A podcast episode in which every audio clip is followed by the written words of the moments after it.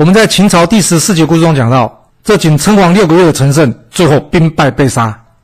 从这故事中再次印证了一件事，那就是少年得志大不幸。很多人或是很多公司一开始发展时候都非常顺利，然而这真的是好事吗？没有遭遇过失败或挫折的洗礼，你永远不知道这个企业或这个人有多么的坚强。四，没有人喜欢面对失败，然而面对失败与挫折，有时候这才是让人家可以成长的机会以及养分。这也就是人家常常说的“失败为成功之母”，你说是吧？历史刻画着人性。了解历史，或许我们就能用不同的观点去判断事情。您说是吧？想了解完整版的故事内容，欢迎到我的爱故事频道去看哦。